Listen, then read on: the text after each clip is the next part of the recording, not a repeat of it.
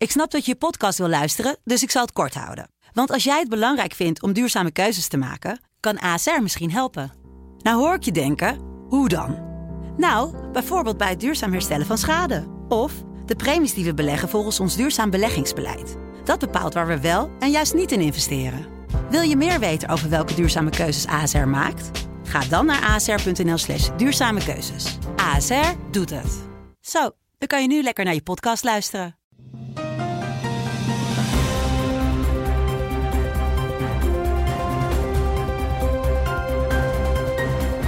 Dit is een podcast van de Telegraaf. In het land van Wierduk met Robert Ophorst. Donderdag 11 februari, de week dat heel Nederland in de ban lijkt van de schaats- en ijskoorts. Heel Nederland? Nee, één doorgewinterde verslaggever bleef moedig weerstand bieden tegen de massahysterie. Dat ben jij, Wiert. Oh.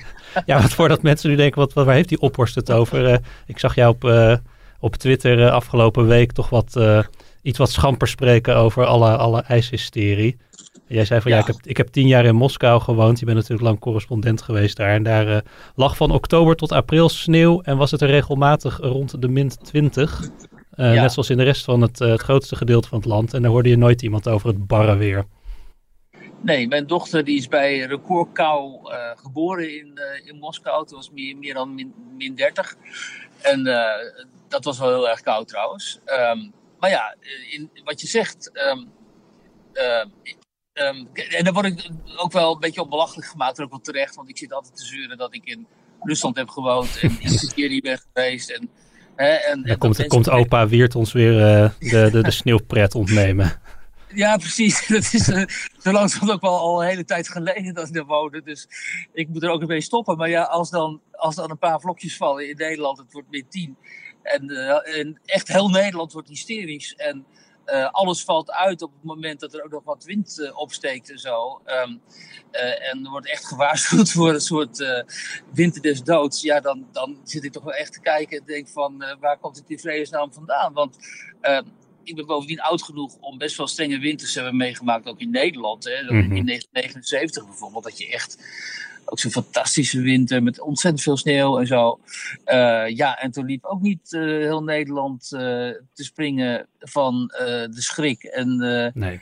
de, de zorg om allerlei bevroren voeten en vingers en tenen en zo. Moet dat natuurlijk wel een klein beetje nuanceren, want dit was inderdaad afgelopen week het, het sentiment dat bij veel mensen leefde. Hè, van jeetje, toen wij, toen, toen wij jong waren gingen de scholen toch nooit dicht als het sneeuwde. Daar hebben we toen ook een groot verhaal over gemaakt in de Telegraaf. En ook vergeleken met eh, strenge winters uit het verleden. En daar kwam toch wel uit naar voren dat toen ook wel erg veel eh, plat lag dan wel in de soep liep. Maar dat er ook gewoon wat minder was eh, dat plat kon liggen. Het, de infrastructuur was wat minder ingewikkeld. Leraren woonden wat dichter bij, bij een school, dus hoefden niet van ver te komen. Dus er was ook gewoon wat minder om in de, om in de soep te lopen. Je bent trouwens onderweg. We bellen jou in de auto. Eh, Ja, dat dat luisteraars eh, niet denken, wat, wat hoor ik af en toe. Maar je bent wel even op pad geweest, toch? Om toch de, de, de ijspret met eigen ogen ook eh, te aanschouwen, begreep ik. Ja, ik was vanochtend even in Korte Hoef en, eh, ehm, eh, om te kijken eh, of daar geschaatst werd. En eh, tot mijn stomme verbazing ehm, bleek het daar enorme drukte te zijn. En mensen konden niet meer parkeren. En eh ze- dat hutje mutje daar allemaal, omdat die mensen allemaal op het ijs willen. Ehm, eh, en het is ook wel vrij hilarisch eigenlijk, omdat ehm, omwonenden daar, een aantal omwonenden, die hebben zoiets van, ja hallo, eh, eh, dit is niet de bedoeling eh, met corona. Mhm. Ehm, en één iemand had daar zelfs een eh, bord buiten gezet van, eh, ik vind dit asociaal en eh, eh, waar zijn de coronaregels en zo. Nou, die coronaregels kan ik je zeggen, die golden daar niet. Want ehm, eh, kijk, op het ijs ehm, verdwijnt iedereen wel in die ruimte en zo. Maar op weg naar het ijs ehm, was het daar gewoon hartstikke vol. En eh, droeg niemand een mondkapje en zo. En nu vind ik dat in de, in de buitenlicht ook wel tamelijk onzinnig om daar een mondkapje te, te dragen. Maar dan zie je toch wel dat eh, mensen zich heel weinig aantrokken van die regels. En, en gewoon hun eigen, nou ja, hun eigen instinct uh, volgen. Het klinkt ook alsof je nu gewoon de, de, voordeur weer bent binnengelopen trouwens. Klopt ja, ik ben nu naar binnen gelopen. Oké, heel, goed, heel, heel, goed. Maar je bent dus wel even zelf gaan kijken. Het is niet zo dat je alleen maar van achter je toetsenbord uh, de rest van Nederland de les zit te lezen. Je bent er wel gewoon even op uitgegaan om zelf, uh, om zelf te kijken. Maar ben jij zelf een schaatser dan? nou, ik hou wel veel van schaatsen, ja. Dus dat vind ik wel heel leuk. Dus ik vind het hartstikke leuk dat er weer op natuurijs geschaatst kan worden. Um, maar ja, het is toch allemaal heel merkwaardig, omdat er zijn ook zoveel mensen. Dus je denkt dan ook, hebben die, het is op donderdag en zo, hebben die mensen dan geen baan? En, uh, of hebben ze misschien vrij? Of hoe zit het dan met corona? Is het thuiswerken dan zo, inge, zo geregeld dat uh, mensen uh, nou, even tussenuit kunnen en zo? Ik denk dat dat laatste ook wel geldt. Ja, ik sprak onze chef parlement vanochtend en die, dat zijn toch, nou ja, we werken hier allemaal hard hoor, maar zij werken zij werken ook heel hard. En uh, een, van de, een van de verslaggevers was toch even voordat hij aan de slag ging nog, uh, nog wat ijs op. Ja, dat kan dan natuurlijk als je uh, in shifts werkt en niet altijd 24 uur per dag in Den Haag hoeft te zijn, maar ook vanuit huis deels kan werken. Ja, dan kan je, dan kan je s ochtends even misschien gaan schaatsen. Of, of middags als, dat, als je werk het toelaat. Ja, ja en, maar goed, het is dat is de, dat ook weer een, een, voor, een, voordeel bij een nadeel. Dat de mensen thuis werken en inderdaad wat meer hun eigen tijd kunnen inrichten. Uh, ik ben wel heel benieuwd hoe dit nou uiteindelijk gaat. Uh, hè? Want kijk, als je, dat, dat dacht ik vanochtend. Als het nu al zo is daar bij Korte Hoef, dat mensen gewoon uh, nou, een half uur of zo in de file staan om er überhaupt in of uit te komen. Hoe gaat het dan dit weekend zijn? Want als dit weekend al de mensen. Mhm. half Nederland gaat natuurlijk het ijs op. Nee, dit wordt een komend weekend ik voorzie een grote een soort volksverhuizing inderdaad. Uh, ja. Het wordt natuurlijk na, misschien al zelfs vanaf zondag uh, gaat het dooien invallen. Uh, dus het wordt, het is nu of nooit, komend weekend of nooit, lijkt ja, het. Deze zaterdag wordt, dat wordt natuurlijk gewoon, ja, een soort carnaval op het ijs. Dat, dat, dat kan niet misgaan. dus ik ben heel benieuwd hoe de autoriteiten, het lokale gezag op die plekken waar dan geschaatst kan worden, hoe ze daarmee om zullen gaan. Mhm, ja. Ja. Het is sowieso ook een beetje een worsteling hè, voor uh, de openbare handhaving. Er waren ook al her en der sleetjes verboden en boa's die dan uh, ouders met kinderen met, met, met, met, sleetjes op de bond moesten gaan slingeren of wegsturen omdat het te druk werd in, uh, in parken. Het, het, is natuurlijk ook niet waar je op zit te wachten als, als boa of als openbaar bestuurder. Nee, maar ja, dat, dat komt natuurlijk door, ook door de absurditeit uh, en de, de inconsistentie van die, van die maatregelen. Hè? Want ik zou zeggen, ja, god, in de buitenlucht, als het een beetje waait ook en zo, uh, dan is die kans op uh, overdracht van het virus natuurlijk heel klein.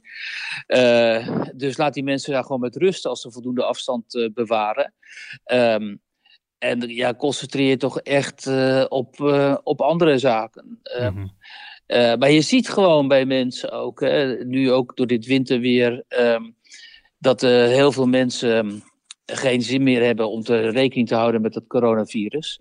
Um, en, hun, en hun vrijheid terug willen. Wat heel erg begrijpelijk is, want dat sentiment delen wij natuurlijk allemaal. Maar aan de andere kant moeten we ons toch wel heel goed rekenschap van blijven geven wat COVID het kan betekenen, ik zag vandaag een uh, groot verhaal in het uh, Algemeen Dagblad, onze concurrent. Uh, en die hadden dus in kaart gebracht um, wat, wat dat long-covid, dus de gevolgen van covid, nou doet met mensen die nog helemaal niet oud zijn. Mensen van in de 20, in de 30 en zo. Ik heb zelf ook eens een keer zo'n verhaal geschreven. Um, ja, en dan schrik je gewoon echt elke keer weer wat die mensen aan enorme gezondheidsklachten blijven houden, maanden later nog. Uh, klachten die ook helemaal niet op een MRI-scan zo kunnen worden uh, uh, gezien. als er dan hartfilmpjes of longfoto's worden gemaakt, dan zien ze gewoon niks, die artsen. Terwijl die mensen echt totaal gesloopt zijn. Een van die mensen die zegt ook: ja, ik moet echt afscheid nemen van degene die ik was. Dat is dan, meen ik, iemand van in de 50.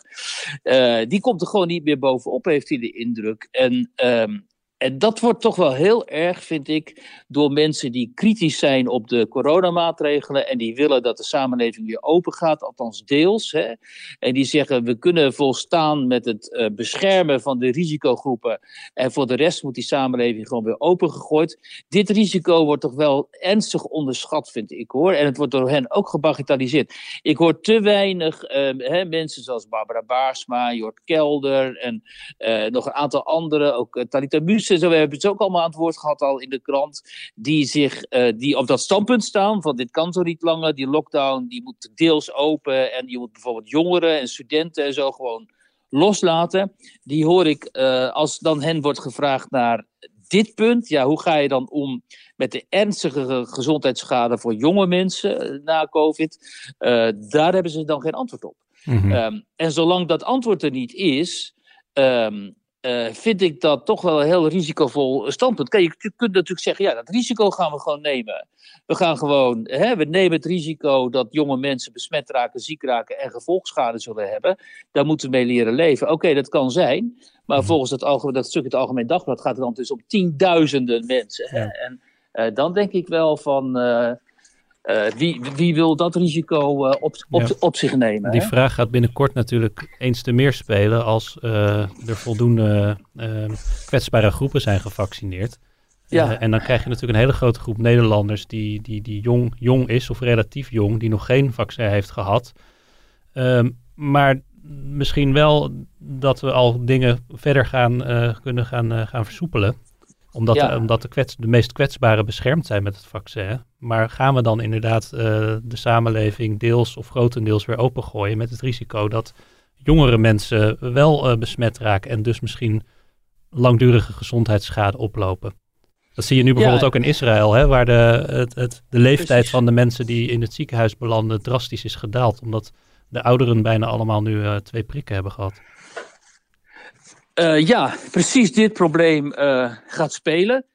En eh, kijk, ik volg natuurlijk niet alles, maar ik heb daar nog niet echt een goed verhaal op gehoord, eerlijk gezegd, van de deskundigen. Hoe zij denken dat we dan hiermee om zullen gaan. Mhm. Ik zag gisteren wel een gedeelte van een discussie in de Bali, waar Jaap Goudsmit zat, de bekende viroloog die nu de laatste tijd veel in de media is. En die wij ook hebben geïnterviewd een tijdje geleden. En die was in debat met eh Rosanne Hetsberger, dat is een eh, microbiologe en columniste. En eh, zij pleit heel erg voor zero covid, zoals het heet, dus een zware lockdown. En net zo lang isolement houden totdat ehm, er geen sprake meer is van dit virus. Hè, totdat dit virus gewoon uitgeroeid is. Ehm, en dan zie je haar ook zeggen van... Ik wil niet ziek worden, ik ben 36, ik wil niet de twee, drie weken ernstig ziek worden. Eh, niet weten wat de eventuele gevolgschade kan zijn en zo. Ik wil gewoon dat dat eh, virus wordt uitgeroeid. En dan denk ik, ja, dat kun je wel willen. Maar eh, die, die kans bestaat gewoon niet. Die mogelijkheid is er gewoon niet. Dus je kunt wel de illusie hebben dat dat virus uitgeroeid gaat worden. Maar dat is, een, dat is ook echt een illusie. Dus wat we moeten. Wat we, ehm, we zullen, hè, dat zegt Goudsmit ook, je zult ermee moeten leren leven. Dat virus zal er altijd zijn. En we moeten waarschijnlijk gaan eh toegaan naar, naar een situatie waarin mensen elk jaar ehm, eh, gevaccineerd zullen worden. Net zoals dat mensen gevaccineerd worden eh, tegen, de, tegen de griep. En dan maar hopen dat het uiteindelijk een soort verkoudheid of een soort griepje wordt. Ook omdat als je gevaccineerd bent en je wordt alsnog ziek, dat je dan niet zo ernstig ziek wordt dat je in het ziekenhuis eh, terechtkomt. Maar ja, je ziet bij zo'n Hetsberger dus een enorme angst. Hele grote angst waar, eh, waarop zij zich baseert en waarop zij dan ook haar standpunt voor de rest van Nederland baseert. Hè. Ik wil niet ziek worden, ik wil niet eh, de eventuele gevolgschade dragen, dus de samenleving moet ehm, helemaal dicht totdat het virus is uitgeroeid. En eh, ik geloof dat dat voor een open samenleving als Nederland onmogelijk is. Kijk, eh, samenlevingen als Nieuw-Zeeland, van die eilandsamenlevingen en zo, daar, is dan, daar- kan het dan wel lukken. Maar ja, als je zo'n open samenleving bent als Nederland met zoveel mobiliteit en open grenzen, dan is het eigenlijk eh, helemaal niet te realiseren. laten we het over iets heel anders hebben. er was ondanks een onafhankelijke onderzoekscommissie aan de slag geweest op de, op de, Universiteit Leiden. Um, het resultaat van het onderzoek was dat er geen enkele aanwijzing voor antisemitisme bestaat binnen de afdeling van hoogleraar Paul Cliteur. Natuurlijk de, de intellectuele, een van de grondleggers van Forum voor Democratie. Maar er was nog een uh, ander onderzoek dat diezelfde afdeling raakte. De klachtencommissie Ongewenst Gedrag onderzocht op uh, verzoek van het college van bestuur gedragingen van hoogleraar rechtsfilosofie Andreas Kinneging in een uh, reeks online colleges die hij onlangs gaf. De klachten van de studenten betroffen onder meer seksuele intimidatie, ehm, academische onvrijheid en onveiligheid. Nou, de conclusie was dat uh, Kinneging zich schuldig had gemaakt aan intimidatie, maar niet uh, seksuele intimidatie en daar sloeg jij op aan op dat bericht. Ehm, jij zei van wat we hier zien is eigenlijk een jacht op de conservatieven. Kan je dat eens uitleggen? nou ja, de Universiteit Leiden heb je een soort enclave hè, met uh, Titeur en Kinderging en ook uh, Afshin Elian, uh, onze columnist. Van wetenschappers die een wat conservatieve wereld, niet wat conservatieve, maar een conservatief, positiever wereldbeeld erop uh, nahouden. En dat is in de Nederlandse universitaire wereld uh, uh, tamelijk uniek, omdat in, vooral in die geesteswetenschappen in Nederland, die zijn helemaal ingenomen door mensen als Leo Lucassen bijvoorbeeld, of Willem Schinkel. Dat zal veel mensen niet zoveel zeggen, die namen, maar dat zijn dus hele linkse wetenschappers die ook gewoon uitdragen dat ze links zijn. Die Willem Schinkel bijvoorbeeld, die zegt in interviews dat uh, hij D66 extreem rechts vindt. En Um, hè, dus dat is. Uh, dat geeft aan hoe, uh, aan, aan, welke kant van het spectrum hij zit. ja, precies. En, um, en die pleit eigenlijk ook voor het buitenspel zetten van de democratie. Want hij gelooft helemaal niet meer in de democratie en zo. En die mensen, uh, nou ja, die kunnen gewoon opinie schrijven in, in kranten als NSC. Ze worden geïnterviewd. Er wordt er geen strobreed in de weg gelegd. Mm. Ze mogen doseren en Ehm, en dat, dat vindt men dan allemaal normaal. En dan in Leiden heb je dan mensen als Cliteur en uh, Kinneging.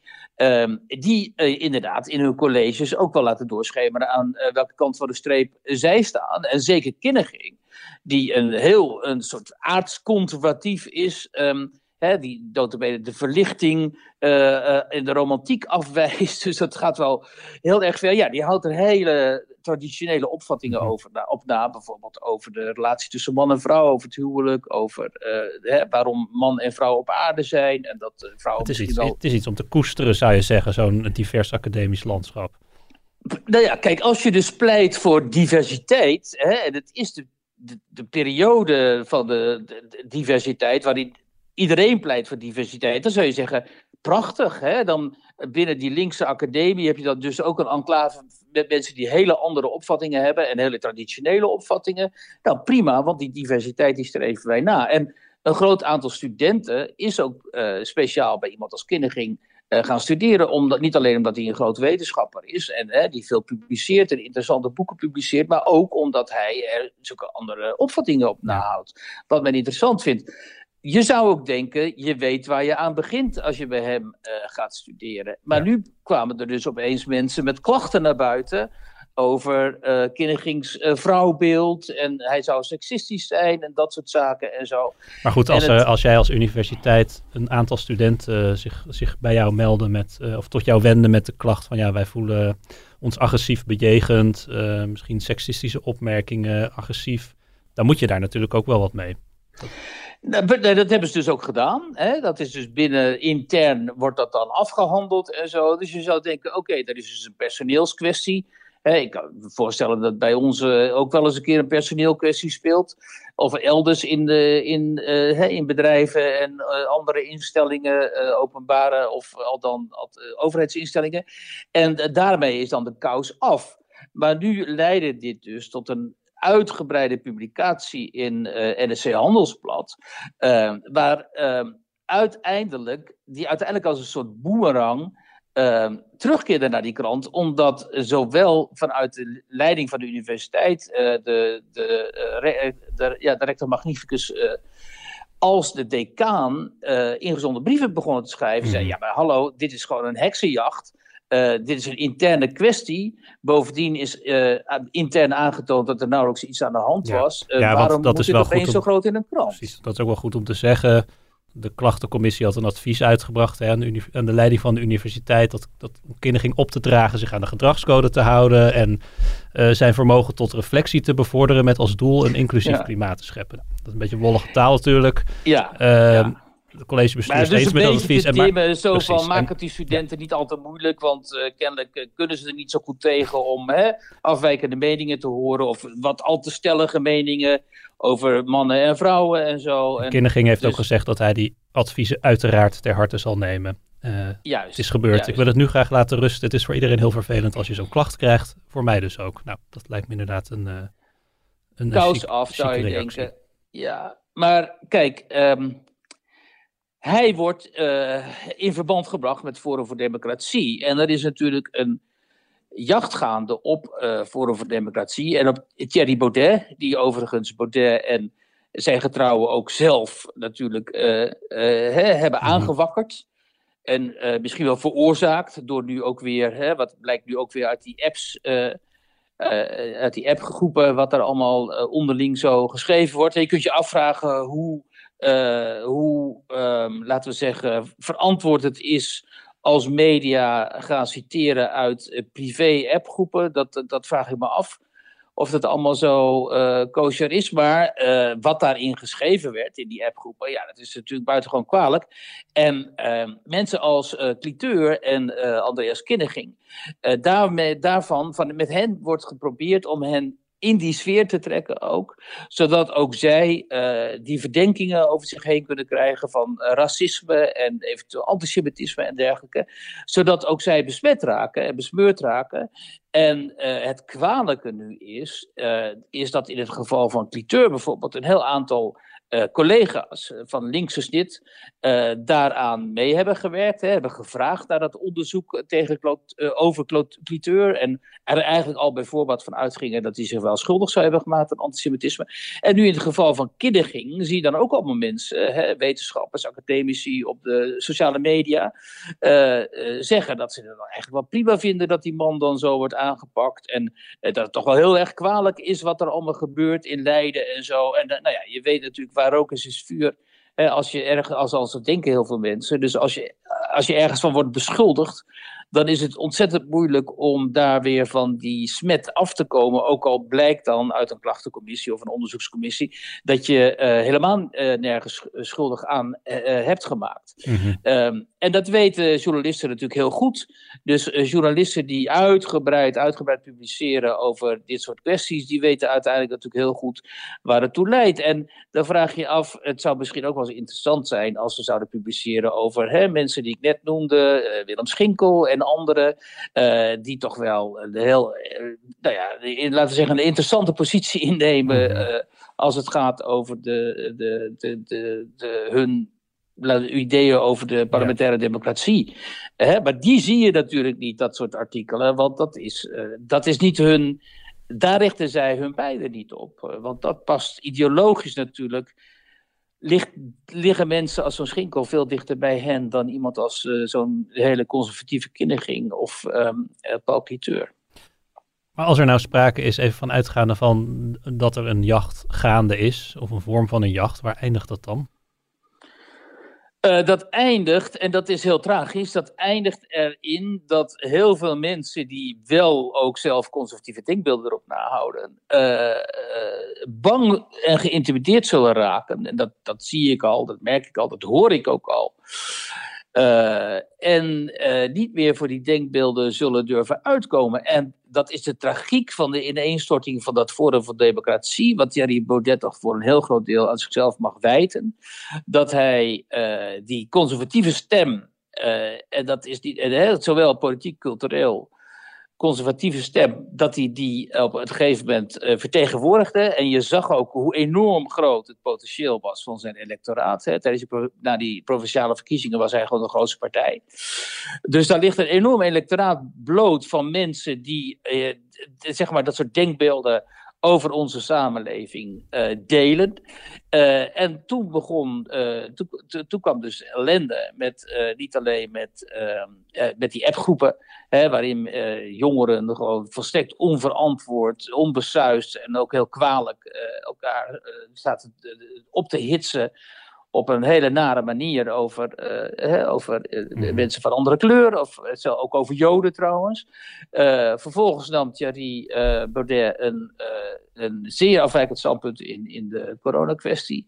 Um, hè, je, en je kunt natuurlijk heel goed kritisch zijn op de coronamaatregelen, omdat die generieke maatregelen, zoals die door dit kabinet zijn getroffen, daar valt heel veel op af te dingen. En het is maar de vraag of die uiteindelijk niet veel meer schade zullen toebrengen dan uh, de COVID-pandemie zelf.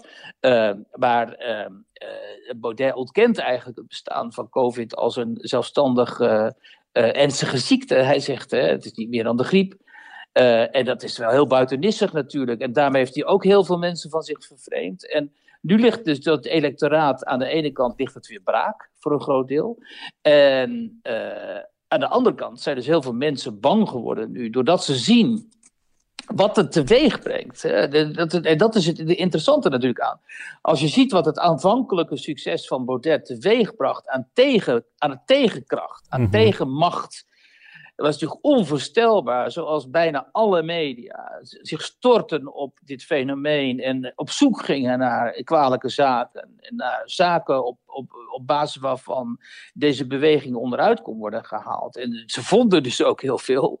Uh, en dat moet je Baudet verwijten. Dat, hè, dat, dat, uh, dat, niet als een Sebastian ja. Kurz in Oostenrijk erin is geslaagd om het op de volksbeweging te maken, maar... Ja Ehm, nee, maar je kan, maar het, je, zag je, wel... je kan het heel goed begrijpen dat mensen denken: ik ben het met heel veel dingen uit het verkiezingsprogramma eens, maar met zo'n club wil ik niks te maken hebben. Ja, nou ja, precies dit wat je, wat, wat je nu zegt. En, uh, maar wat mij die af, sinds die, die, die provinciale verkiezingen destijds uh, vooral heeft ge geïmponeerd, uh, is toch wel echt dat er enorme trein op gang kwam om dit te, de, de, kop in te drukken, hè, mhm. dit fenomeen. En ik kan me heel goed voorstellen, als jij een ondernemer bent in Doetinchem, of je bent een leraar wiskunde in uh, Zierikzee, of, uh, hè, of um, een, een, een, een, overheidsbeambte in Dokkum, en je bent, zeg maar, um, je, en je deelt dit gedachtegoed. Maar je ziet wat er over die mensen die dit gedachtegoed leidend hebben gemaakt, op, voor korte tijd in Nederland, wat er met die mensen gebeurt. Um, dat je dan denkt, ja, maar dat, dat ga ik niet riskeren. Ik heb gewoon een huis, ik heb een hypotheek, ik heb een gezin, mijn kinderen gaan naar school. Ik wil uh, en niet uh, in een hoek worden gedrukt waarin racisme en antisemitisme uh, voorkomt. En ik ben zo beducht voor die lawine die ik over me heen ga krijgen in de media. daar, heb ik heel, daar, daar ga ik me aan onttrekken. Dus ik ga me weer stilhouden. En dat vind ik dus zo slecht. En zo jammer en jammerlijk uh, dat deze mensen zullen denken weer van ik ga me stilhouden. Uh, en uh, dat je dus dat, dat, dat hele geluid, zeg maar, dat conservatieve geluid, dat dat en verdacht is gemaakt en verdacht is geraakt ook. en voor de komende periode vrees ik dus um, eh, veel zachter zal klinken. Terwijl een heel groot deel van de Nederlandse bevolking daar behoefte aan heeft en zich toch associeert met die uh, denkwereld. Wiert, we hebben het hier al uh, vaker over gehad dat wij als journalisten blij zijn dat we voor ons werk nog regelmatig op pad kunnen. Althans, dat, dat geldt voor jou. Ik, uh, ik werk hier altijd op de krant. Maar jij gaat, uh, jij gaat er nog uh, elke dag op uit. Maar ondertussen geldt natuurlijk voor een heel groot deel van, Nederland, van de Nederlanders dat ze noodgedwongen vrijwel alleen maar thuiswerken. Sterker nog, er zijn veel mensen die al bijna een jaar geen collega's in levende lijven hebben gezien. geen flauwe grappen bij de koffieautomaat, geen gezamenlijke ja. lunch, niet even een praatje aan je bureau. Maar hoe is dat eigenlijk voor de mensen die tijdens de coronacrisis van baan veranderden en hun uh, nieuwe collega's alleen maar kennen uit appgroepen en Teams-meetings? Nou, met die vraag ging jij deze week op pad. Wat, ja. wat kwam je tegen? Nou, toch wel heel veel uh, meer misschien dan ik had gedacht. Uh, uh, niet, niet onvrede, maar onrust bij deze mensen. Um, omdat zij niet weten uh, hoe lang dit nog gaat duren. En omdat ze heel erg moeten wennen aan het feit dat ze dus een nieuwe functie hebben of een nieuwe baan.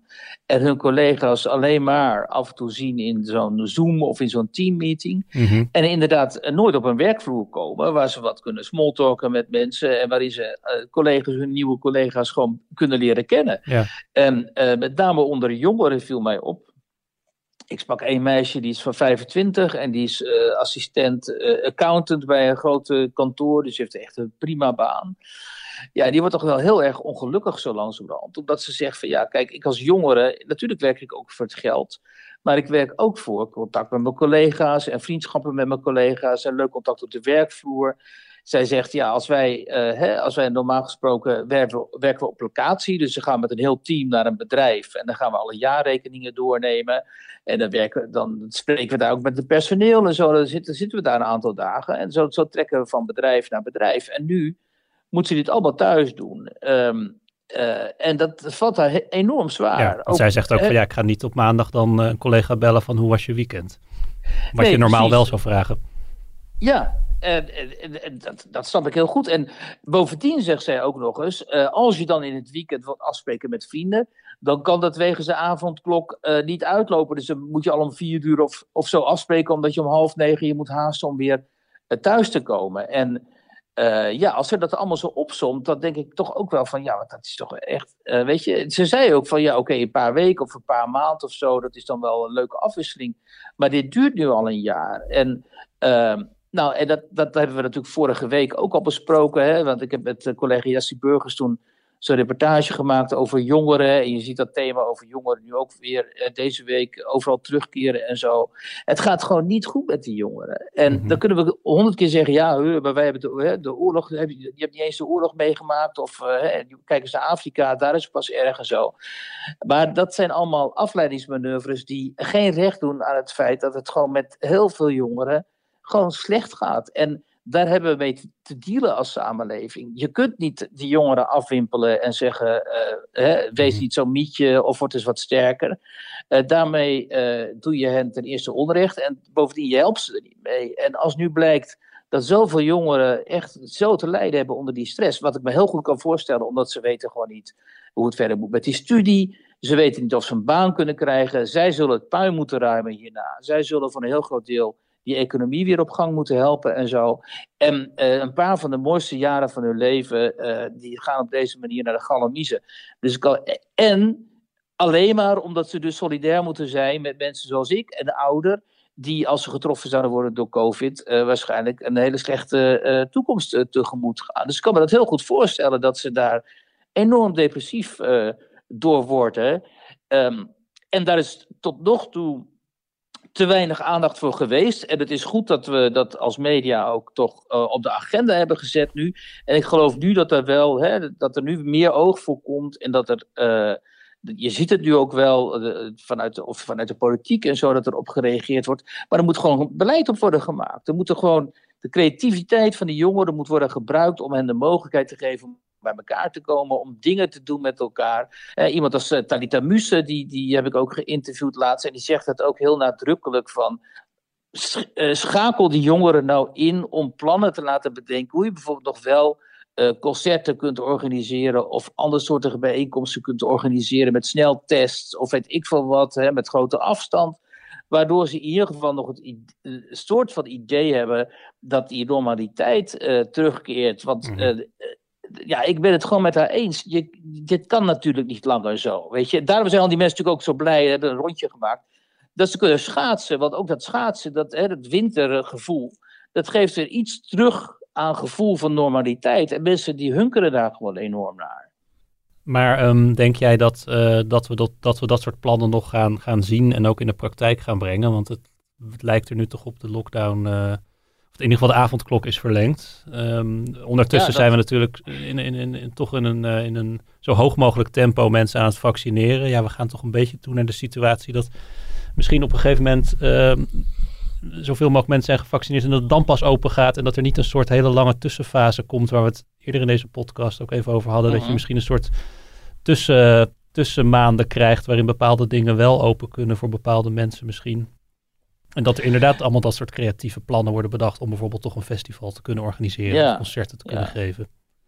Nou ja, als de overheid er nog niet eens in slaagt om die vaccins uh, veilig te distribu distribueren, zoals de afgelopen week met die krokettenkar, wat natuurlijk mm. weer een farce was, dan, dan houd je natuurlijk je hart vast. En dat is, dat is het, het grote probleem van dit kabinet, deze overheid die we hebben nu, dat er geen enkel perspectief klinkt. Ja. En ehm, dat wordt maar telkens niet geboden. Er is telkens maar geen stip op de horizon. En uh, wat fout kan gaan, gaat allemaal fout. Um, dus je hebt, eh, dat zijn twee kwaden dus. En geen perspectief. En alles gaat ook nog he, heel groot van het aantal maatregelen loopt in de soep. Of wordt niet genomen of wordt fout genomen. Um, en, en de burgers die zien dat natuurlijk. En die, die, ja, op een gegeven moment zeggen ze natuurlijk van jongens, als die overheid het niet kan dan het allemaal wel. Maar dan ga ik gewoon, ik ga dat ijs op. En uh, ik geloof het wel, weet je wel. Want uh, ik ga niet de rest van mijn leven afwachten totdat die overheid eindelijk eens, en, die, en die instanties eindelijk eens keer normaal gaan functioneren en gaan communiceren en, en gewoon hun werk naar behoren gaan doen. Uh, nou ja, dat is natuurlijk een hele slechte situatie, maar ja, daar zitten we al maan, maanden in. En ik zie ook nog steeds niet, uh, de enige hoop die ik heb, is dat het vaccineren inderdaad snel gaat. En dat het snel lente en zomer wordt, waardoor dat virus uh, vanwege alleen al de, de, gewoon de uh, weersomstandigheden zwakker wordt en, en verzwakt en, en langzaam verdwijnt. Ja. Um, maar vanuit de overheid heb ik nog steeds geen concreet plan gehoord. Oké, dit is A en we gaan naar Z en dit zijn de tussenstappen. En in mei zijn we hier en in juli zijn we daar, enzovoort, enzovoort. Dat, dat, dat, dat klinkt gewoon niet. Er is geen coherent uh, plan. En ondertussen zitten avond na avond na avond de virologen uh, in de stu talkshow-studio's en de, de, de, de IC-artsen. Uh, ons te vertellen in allerlei tegenstrijdige verhalen ook nog eens een keer um, wat we allemaal wel, wat we allemaal wel niet, moet, wat we allemaal niet kunnen doen. Nou, laten we hopen op een Summer of Love. Want nog even over Rusland gesproken. De vrijheid en het leven vieren, dat kunnen ze in Rusland ook als geen andere. Uh, ja, wat je bedoelt. nou, de Russen zijn toch altijd wel van de grote, grote gebaren, toch? Uh, heel heel uh, melancholisch kunnen zijn, oh, maar ook heel ja, erg nee, goed. Dat je op een concreet geval. Nee, maar heel erg goed het leven kunnen vieren. Dus als we dan ooit een keer uit die lockdown komen en als we dan ooit een keer van dat virus af zijn, dan Hè, daar wordt dan nu over gesproken. Krijgen we misschien een Roaring Twenties of een, of een Summer of Love. Nou, misschien kunnen we dan nou. ook even naar Rusland kijken. Nou, we kunnen onder de, de, de Twitter-link ehm, uh, van de, deze podcast... kunnen we even het filmpje zetten van die oude oma van de jaren of tachtig... bij het Baikalmeer in uh, Rusland. Die elke dag, die woont daar alleen op een soort boerderijtje aan het meer... En die gaat in de winter, en nou ja, de winter duurt daar dus heel lang. Uh, elke dag nog met zelfgemaakte schaatsen het ijs op. Uh, om gewoon lekker te schaatsen of even boodschappen te doen. En als je haar zo ziet schaatsen, dan denk je wel van inderdaad, ja, daar zit wel heel veel levensvreugde in. En ook doorzettingsvermogen en, en moed. En, en ook gewoon individuele verantwoordelijk, nou ja, al die dingen, noem maar op, die, inderdaad wel gelden voor heel veel Russen. En zeker voor deze babushka, zoals dat dan heet in het Russisch. Dus die kunnen we wel even onder de, linken onder de, onder de Twitter-link voor de podcast. Dat gaan we doen. En we laten ons daardoor inspireren.